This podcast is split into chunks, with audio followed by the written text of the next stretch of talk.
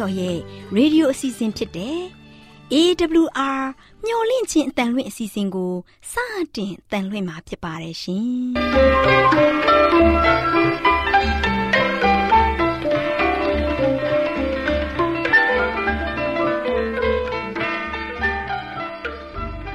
တော်တာရှင်များခင်ဗျာ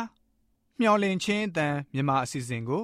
နက်နက်6နိုင်မိနစ်30မှ9နာရီအထိ16မီတာ kHz 10653ညညပိုင်း9နိုင်မှ9နိုင်မိနစ်30အထိ19မီတာ kHz 19533ညမှနေ့စဉ်အတန်လှွင့်ပေးနေပါတယ်ခင်ဗျာ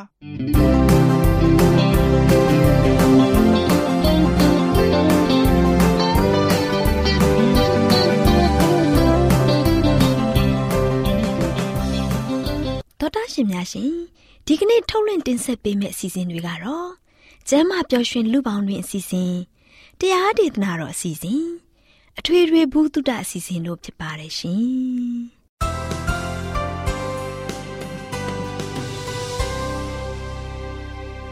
တော်တာရှင်များရှင်အာရောချံပရမန်လာဘန်ကျမ်းမာခြင်းသည် လူသားတိုင်းအတွက်အထူးအရေးဖြစ်ပါတယ်ဒါကြောင့်ကိုရောစိတ်ပါကျမ်းမာရှင်လန်းစီဖို့ကျမ်းမာခြင်းသတင်းကောင်းကို တင်ဆက်ပေးလိုက်ပါတယ်ရှင်။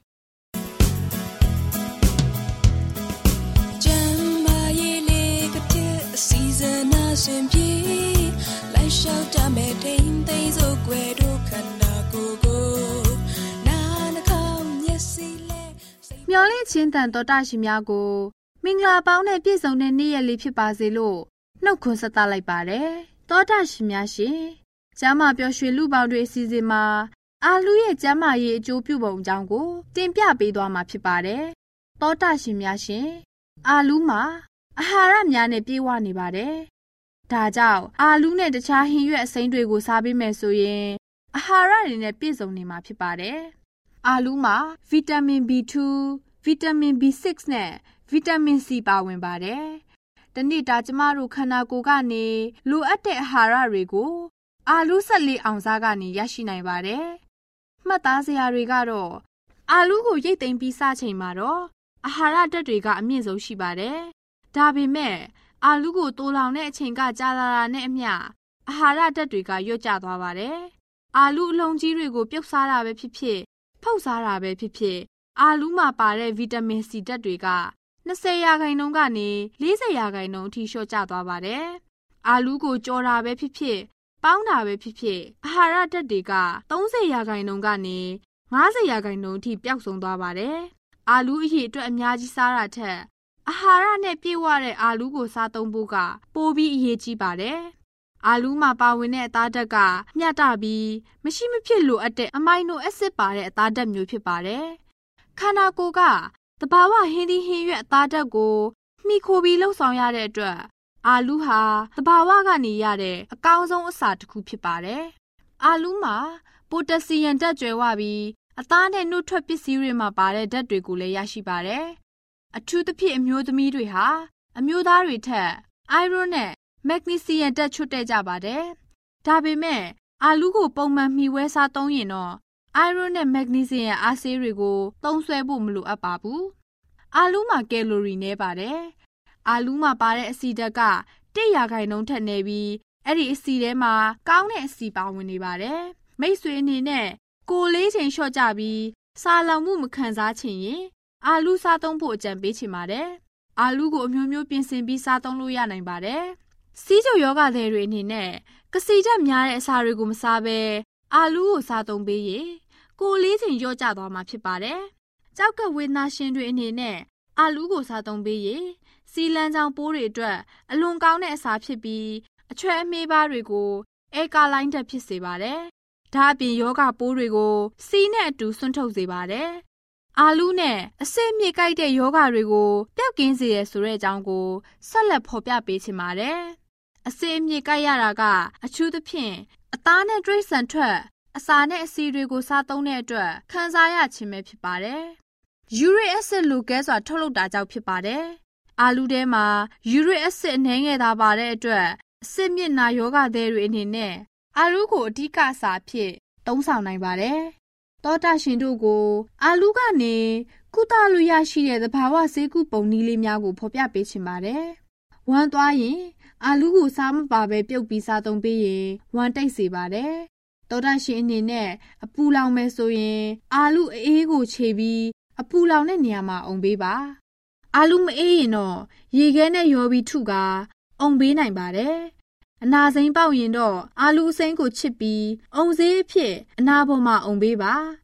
ရှစ်နာရီတစ်ခေါက်လဲပေးရမှာဖြစ်ပါတယ်။အေးမီတုတ်ကွေးဖြစ်နေရင်တော့ဘာအစာကိုမှမစားပဲ အာလူးကို မုံလာဥနီစက်သွနီတရုတ်နန်နန်တို့နဲ့ပြုတ်ပြီးစားသုံးနိုင်ပါတယ်။တောတာရှင်များရှင်ယနေ့မှာအာလူးရဲ့ဆေးဘက်ဝင်ပုံအကြောင်းများကို တင်ပြပေးလိုက်ရပါတယ်ရှင်။တောတာရှင်များအားလုံးကျမ်းမာဒုက္ခအဖျားဖျားနဲ့ပြည့်စုံကြပါစေ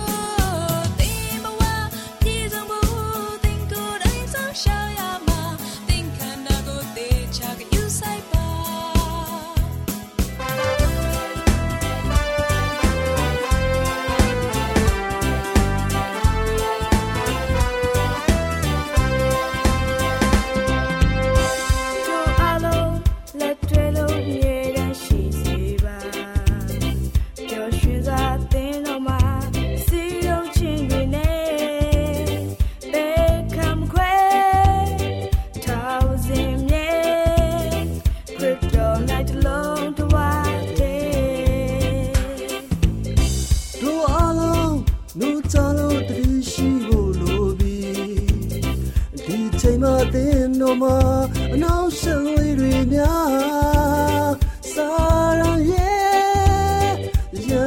င်။တရား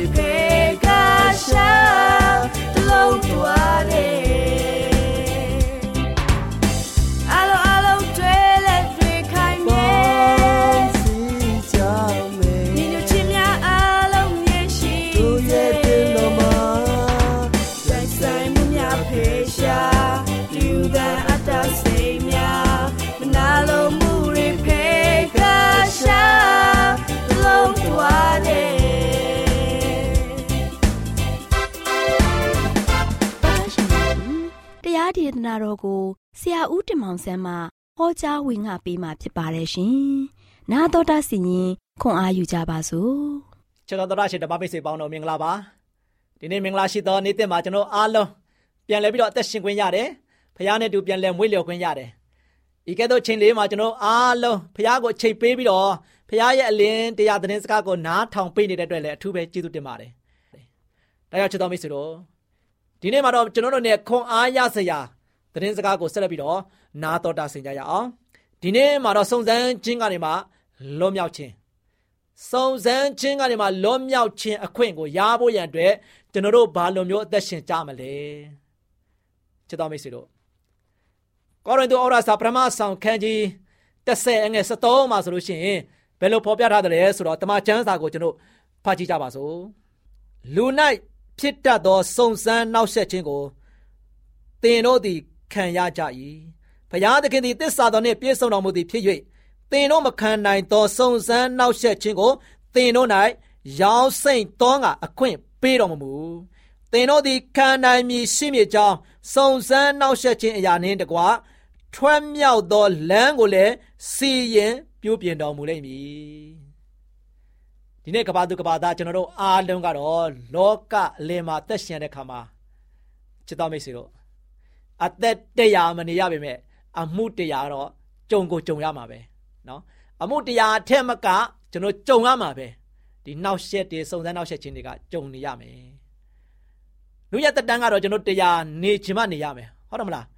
နော်တရားလည်းရှင်းလည်းရှင်းမှာပဲဒါပေမဲ့လည်းအမှုတရားကတော့တရားမရှင်းလည်းကျွန်တော်အမှုတရားကတော့ယာနှုံးပြေကျွန်တော်ရင်ဆိုင်နေရမှာပဲနော်ရင်ဆိုင်နေရမယ်ဒါကျွန်တော်ရဲ့တက်တာမှာဆိုရှင် ဤကဲ့သို့ရင်ဆိုင်နေရတဲ့ခါမှာတို့ရှင်ကျွန်တော်တို့စုံစမ်းနောက်ဆက်ခြင်းတွေပါပါတယ်ယနေ့စာနာမဏကတို့ရှင်ကဘာသူကဘာသားတွေကိုနီလန်ပေါင်းမြောက်များစွာနဲ့သွေးဆောင်ဖျားယောင်းနေပါတယ်စာရမဏရဲ့ဖျားယောင်းသွေးဆောင်မှုအောက်မှာဆိုလို့ရှိရင်ယနေ့ကဘာသူကဘာသားတွေကတို့ရှင်ရောက်တဲ့ရောက်နေကြပြီစရမဏရဲ့နောက်ကိုလိုက်တဲ့လိုက်နေကြပြီနော်ဒီနေ့ကျွန်တော်တို့အားလုံးကစရမဏရဲ့လက်ထဲကနေမှလုံးမြောက်ဖို့ရန်အတွက်ကျွန်တော်တို့ဘာလုပ်ကြရမလဲမိတ်ဆွေတို့ စုံစမ်းနောက်ဆက်ခြင်းကတို့ရှင်စရမဏကဘယ်တော့မှမရမနာမနေသူကတို့ရှင်အလုံးလုံးနေတယ်ကဘာပေါ်မှာရှိတဲ့ဘုရားရဲ့သားသမီးအားလုံးနော်သူ့ရဲ့ထံကိုရောက်လာဖို့ရန်အတွက်စာရမဏကဆိုရှင်အမျိုးမျိုးဆွဲဆောင်နေပါတယ်။ယနေ့ကဘာကြီးပေါ်မှာဆွဲဆောင်ထားတဲ့အရာတွေလူငယ်လူကြီးလူလတ်မရွေအားလုံးငယ်ဆုံးကလေးသူငယ်ကမရွေနော်စာရမဏကနီလန်ပေါင်းမြောင်များစွာနဲ့ နော်ဖျားယောင်သွေးဆောင်မှုတွေနဲ့အရာဝတ္ထုအပြင်တော်၎င်းနော်အမျိုးမျိုးအဖုံဖုံအပြင်တော်၎င်းစိတ်ဓာတ်ရေးရာအပြင်တော်၎င်းယနေ့စီးစိမ်အပြင်တော်၎င်းယနေ့အပျော်ပါအပြင်တော်၎င်းစာရမဏကယနေ့ technology ကြီးတွေအားဖြင့်တော့ကောနော်ဒီနေ့သိပ္ပံပညာရှင်တွေအားဖြင့်တော့ကော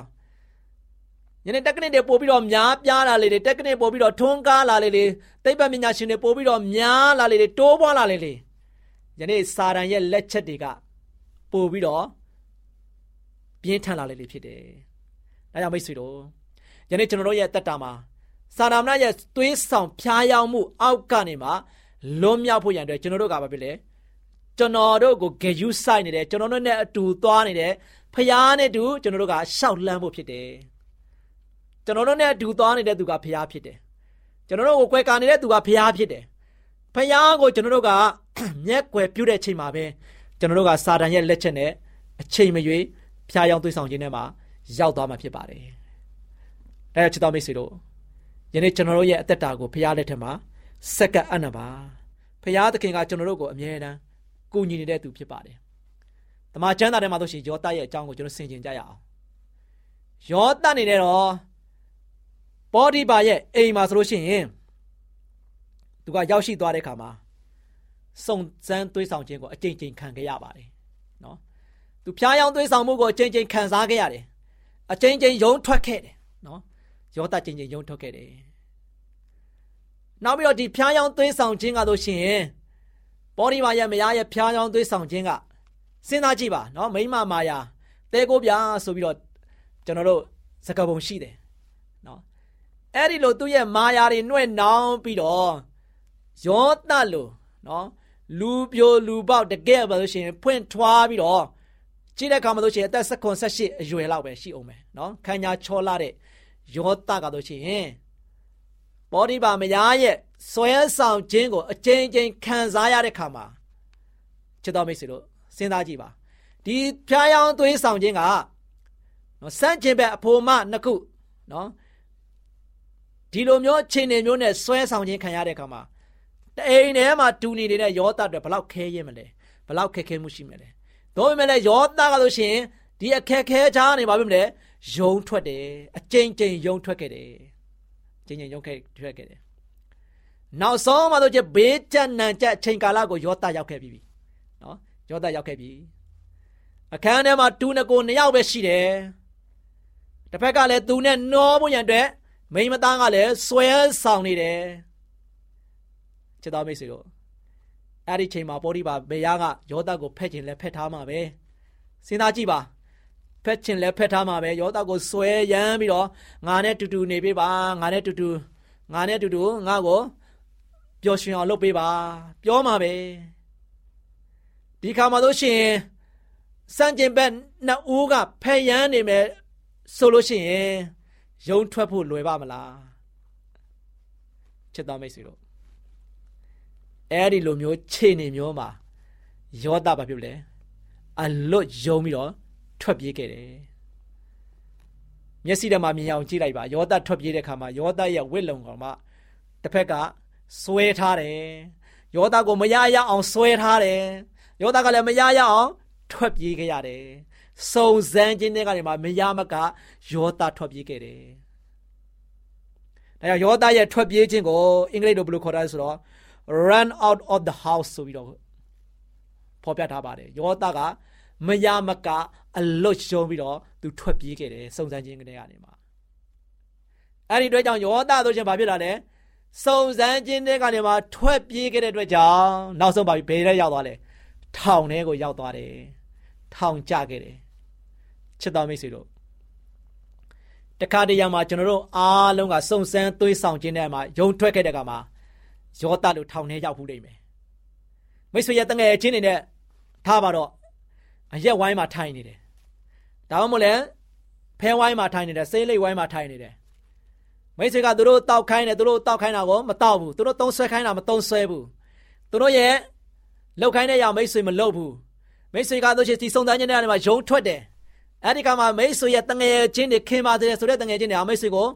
နောက်ဆုံးမှာပြစ်ပယ်ခြင်းခံရမယ် ထောင်ထဲပုံစံမျိုးရောက်သွားမယ်တကူတော့တကာရနဲ့မိတ်ဆွေတွေတို့ချင်းကိုယ့်ရဲ့တငယ်ချင်းတွေနဲ့မပြောနိုင်တော့ဘူးကိုယ့်ရဲ့တငယ်ချင်းတွေကကိုယ့်ကိုပေါင်းဖက်မလုပ်တော့ဘူးဆိုရင်အဲ့လိုအားငယ်တဲ့ချိန်မျိုးမျိုးရှိမလားယောသားကတော့လုံးဝနော်သခင်ရဲ့ယုံကြည်စိတ်ချမှုကနေမှနောက်ဆုံးထောင်ထဲပို့ခြင်းခံခဲ့ရတယ်နော်ထောင်ထဲပို့ခြင်းခံခဲ့ရတယ်ချစ်တော်မိတ်ဆွေတို့ဒါကြောင့်ဒီနေ့စုံစမ်းသွေးဆောင်ခြင်းကိုကျွန်တော်ယုံထွက်ဖို့ရန်အတွက်အရန်ရည်ကြည့်တယ်။ ဖျားယောင်းသွေးဆောင်ခြင်းတွေကကျွန်တော်တို့မှာဆိုရှင်လက်တလုံးကြားလေးအမြဲတမ်းနေ့စဉ်နဲ့ရက်မြကြုံတွေ့နေရလိမ့်မယ်။နေ့စဉ်နဲ့ရက်မြကျွန်တော်ရင်ဆိုင်နေရမယ်။အဲ့ဒါကိုအပြတ်တိုက်နိုင်ဖို့ရန်အတွက်ယောသားကဲ့သို့ရဲရင်တည်ကြည်သောစိတ်ဓာတ်နဲ့ကျွန်တော်ဖျားရဲ့အလိုတော်နဲ့ညီသက်ရှင်ဖို့ရန်အတွက်အရန်ရည်ကြည့်တယ်။အဲ့တို့ကြောင့်ဖျားသခင်ရလို့ရှိရင်ထောင်ထဲမှာရှိတဲ့ယောသားကိုဂရုပြုတဲ့ခါမှာနောက်အခါမှာယောသကအဲဂုတုတိုင်းပြည်ရဲ့ဘယင်ခံတယောက်ဖြစ်လာခဲ့တယ်နော် ဘယင်ခံတယောက်ဖြစ်လာခဲ့တယ်ဒါကြောင့်ဖရာသခင်ဘက်မှာတစ္ဆာရှိမယ်ဖရာရဲ့အလိုတော်တိုင်းလိုက်လျှောက်ပြီးတော့အသက်ရှင်မယ်ဖရာသခင်ရဲ့အလိုတော်နဲ့ညီအသက်ရှင်ပြီးတော့ဖရာရဲ့အလင်းကိုပုံဆောင်ပြီးတော့ပြသမယ်ဆိုရင်ဖရာသခင်ကပြန်ပြီးတော့ရွေးကောက်မှာဖြစ်တယ်ယောသကဆိုရှင်ပေါ်ဒီပါမယားနဲ့အကယ်၍သာမှားယွင်းခဲ့မယ်သူနဲ့အတူနေခဲ့မယ်ဆိုရင်တော့ယောသထောင်နဲ့ရောက်ချင်မှရောက်မယ် တစ်ဖက်ကလည်းဂျေဂျနာနာနဲ့သူလက်ခံခဲ့တယ်အဲ့ဒီတော့ကြောင့်အတွန်းတက်မှလည်းမဟုတ်ဘူးဒါပေမဲ့ယောသမလက်မခံခဲ့တဲ့အတွက်ကြောင့်တစ်ဖက်ကလည်းမစားရတဲ့အမေသဲနဲ့ပက်ဆိုသလိုပဲယောသကဘာဖြစ်သွားလဲထောင်ထဲကိုရောက်သွားတယ်ထောင်ထဲရောက်သွားတဲ့ယောသကဆိုရှင်အားငယ်ခြင်းမရှိပါဘူး။ဘာကြောင့်လဲသူနဲ့အတူဘုရားသခင်ရှိတယ်။ဘုရားတရားနဲ့သက်ရှင်ခဲ့တဲ့ယောသကဘုရားရဲ့မကြိုက်သောအရာကိုဘယ်တော့မှမလုပ်ဘူး။ အဲဒါကြောင့်ဘုရားသခင်ကသူ့ရဲ့စုံစမ်းနောက်ဆက်ခြင်းကိုရင်ဆိုင်ရတဲ့အခါမှာကြော်လွှားခဲ့တဲ့ယောသကိုထောင်ထဲမှာဂိယုပြုတ်ပြီးတော့နောက်ဆုံးမှာယောသကိုဘာဖြစ်လဲဘုရားကတင်မြောင်းလိုက်တဲ့အခါမှာအဲဂုတုရဲ့ဘယင်ခံတယောက်ဖြစ်လာခဲ့တယ်။နော်။အဲ့ဒီအတွက်ကြောင့်ကျွန်တော်တို့ဒီနေ့လူသားတွေဖြစ်ကြတယ်ကျွန်တော်တို့ပုရုသင်လူသားတွေဖြစ်နေတဲ့အတွက်ကြောင့်ယနေ့ပုရုသင်လူသားတွေကဆိုရှင်စုံစမ်းနှောက်ယှက်ခြင်းတွေကိုနေ့စဉ်နေ့ရက်များကြုံနေကြရတယ်။ အဲဒီတော့မိတ်ဆွေရဲ့တက်တာမှာတစ်ခါလေစုံစမ်းနှောက်ယှက်ခြင်းတွေနဲ့ရင်ဆိုင်ရတဲ့ခါမှာကျွန်တော်တို့ကလွယ်လွယ်လေးနဲ့ပါသွားတတ်တဲ့သူမဟုတ်ဖို့ရန်ရည်ကြီးတယ်။နော်။ချမ်းချမ်းခံပြီးတော့ခံပြီးတော့အချိန်ချင်းစုံစမ်းပါသေးချိန်ချင်းနှောက်ယှက်ခြင်းခံစားရပါသေး။ချမ်းချမ်းခံတော့ခွန်အားနဲ့ကျွန်တော်ဘာလဲရုံထွက်ဖို့ယောသားကဲ့သို့တီတီပြီးတော့စိတ်တိုက်ခံပါဖို့ရန်ရည်ကြီးတယ်။နော်။တို့ပေမဲ့လည်းတင်နဲ့တူရှိနေတဲ့ဘုရားသခင်ကတင့်ကိုဘယ်တော့မှမပြစ်ထားဘူး။ ယောသားနဲ့တူရှိပြီးတော့ယောသားကိုတင်မြောက်ခဲ့တဲ့ဘုရားသခင်ကယနေ့ကျွန်တော်တို့ကိုးကွယ်တဲ့ဘုရားသခင်ဖြစ်တယ်။ဒါယနေ့ကျွန်တော်တို့အားလုံးကစုံစမ်းနှောက်ယှက်ခြင်းတွေကနေမှလွတ်မြောက်ခြင်းခံစားရဖို့အတွက်ကျွန်တော်ဘာလုပ်ရမလဲခိုင်မာတည်ကြည်တဲ့စိတ်ဓာတ်နဲ့ကျွန်တော်အားလုံးကစုံစမ်းခြင်းကိုတိုက်လှန်သွားဖို့ဖြစ်တယ်နော်အဲဒီလိုမျိုးတိုက်လှန်မယ်ဆိုရင်ကျွန်တော်စုံစမ်းထဲမှာမပါတဲ့ခါမှာဖရားဘက်မှာတစ္ဆာရှိတဲ့သူဖြစ်တဲ့အတွက်ကြောင့်ဖရားသခင်ကကျွန်တော်တို့ကိုရွေးကောက်ပြီးတော့တင်မြောက်ခြင်းခံစားရမှာဖြစ်ပါတယ် ဒါချက်တော်မိတ်ဆွေတို့ယနေ့ကျွန်တော်တို့အသက်တာမှာအသက်ရှင်နေရတဲ့ခါမှာနော်အသက်တရားမနေရပါမယ်အမှုတရားကြုံရတဲ့ဒီလိုမျိုးချိန်ကာလမှာဒီနေ့ကျွန်တော်တို့အားလုံးကဘုရားသခင်ရဲ့အလိုတော်အတိုင်းဘုရားရဲ့နှုတ်ကတော်တရားတော်အတိုင်းဆင်ကျင်ပြီးတော့ကျွန်တော်တို့အသက်ရှင်ပြီးတော့မှန်ကန်တဲ့အသက်တာမျိုးနဲ့အသက်ရှင်ဖို့ရတဲ့ဘုရားရဲ့ရင်ဝင်တော်ထဲမှာကျွန်တော်တို့အသက်တာကိုအမြဲတမ်းစက္ကန့်အနှံ့ပြီးတော့စုံစမ်းခြင်းနဲ့လွတ်မြောက်ဖို့ရတဲ့ဘုရားသခင်ကိုအမြဲတမ်းတောင်းလျှောက်ပြီးတော့ဘုရားနဲ့တူမွေးလျော်တဲ့ သားသမီးရောက်တိုင်းဖြစ်ကြပါစေလို့အားပေးတိုက်တွန်းတဲ့နေကုန်းချုပ်ပါတယ်ချစ်တော်မိတ်ဆွေများအားလုံးပေါ်ဘုရားသခင်ကြွယ်ဝများပြတ်စွာကောင်းကြီးမင်္ဂလာတောင်းချပေးပါစေ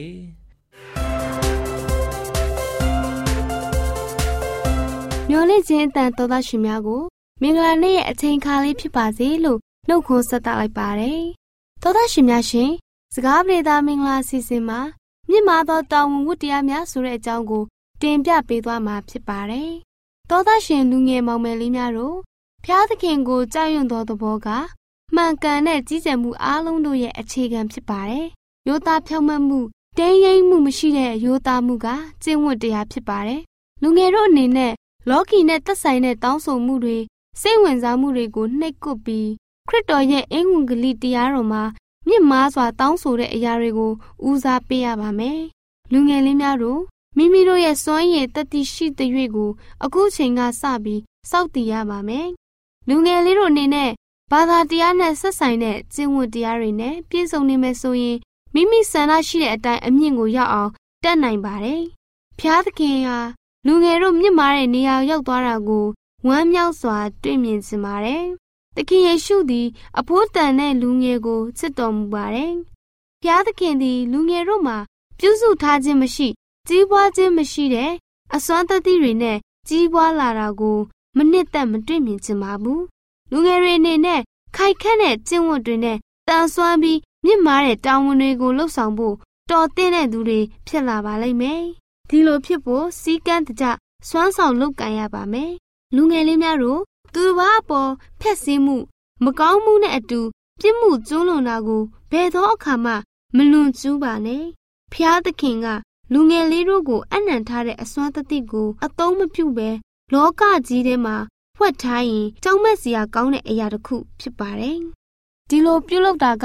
အသက်တရဖူကိုလွတ်ပစ်လိုက်တာပဲဖြစ်ပါတယ်။လူငယ်လေးတို့မှာအရေးချင်းလေးတွေရှိကြသလိုတာဝန်ဝတ္တရားထမ်းဆောင်မှုတွေလည်းရှိပါတယ်။လူငယ်လေးများတို့ယခုအသက်ပြိုးရွယ်စဉ်ခါပင်တင့်ကိုဖန်ဆင်းတော်မူသောအရှင်ကိုအောက်မေ့လို့ဆိုတဲ့အတိုင်းဖျားရှင်နဲ့မိသဟာရဖွဲ့ခြင်းအဖြစ်ကိုရော်နဲ့နီးစေပါလူငယ်မောင်မယ်လေးများတို့ မြည်သူမဆိုအရာခတ်သိမ်းမှာ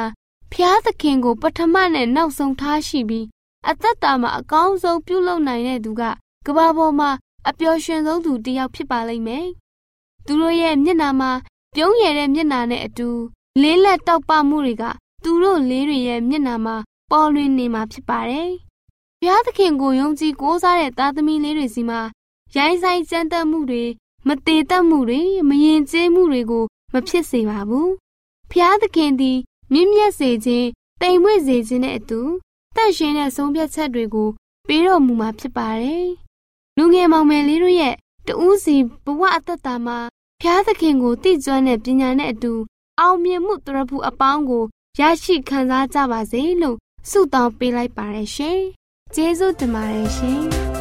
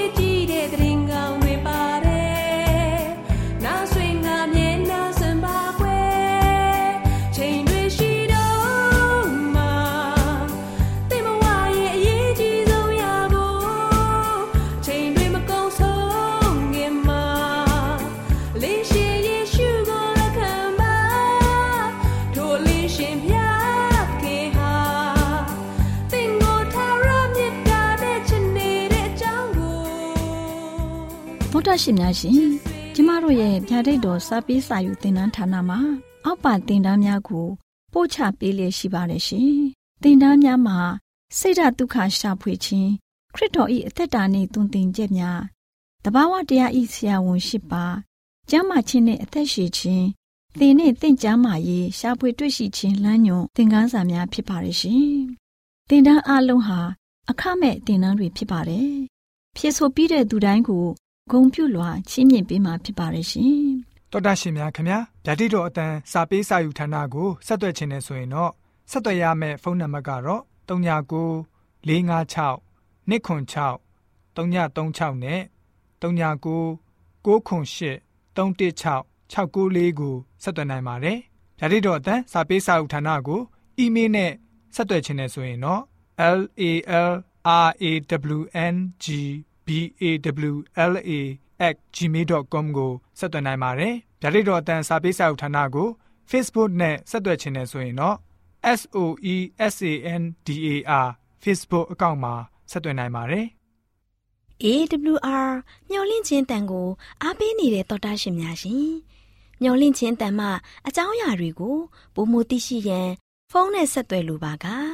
39ကို46 088 066နောက်ထပ်ဖုန်းတစ်လုံးအနေနဲ့39 988 464 48ကိုဆက်သွယ်နိုင်ပါတယ်ရှင်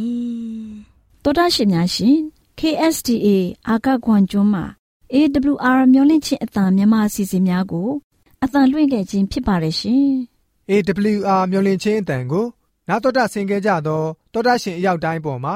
ဖျားသခင်ရဲ့ကြွယ်ဝစွာသောကောင်းကြီးမင်္ဂလာတက်ရောက်ပါစေ။ ကိုယ်စိတ်နှဖျားစမ်းမွှေလန်းကြပါစေ။ကျေးဇူးတင်ပါတယ်ခင်ဗျာ။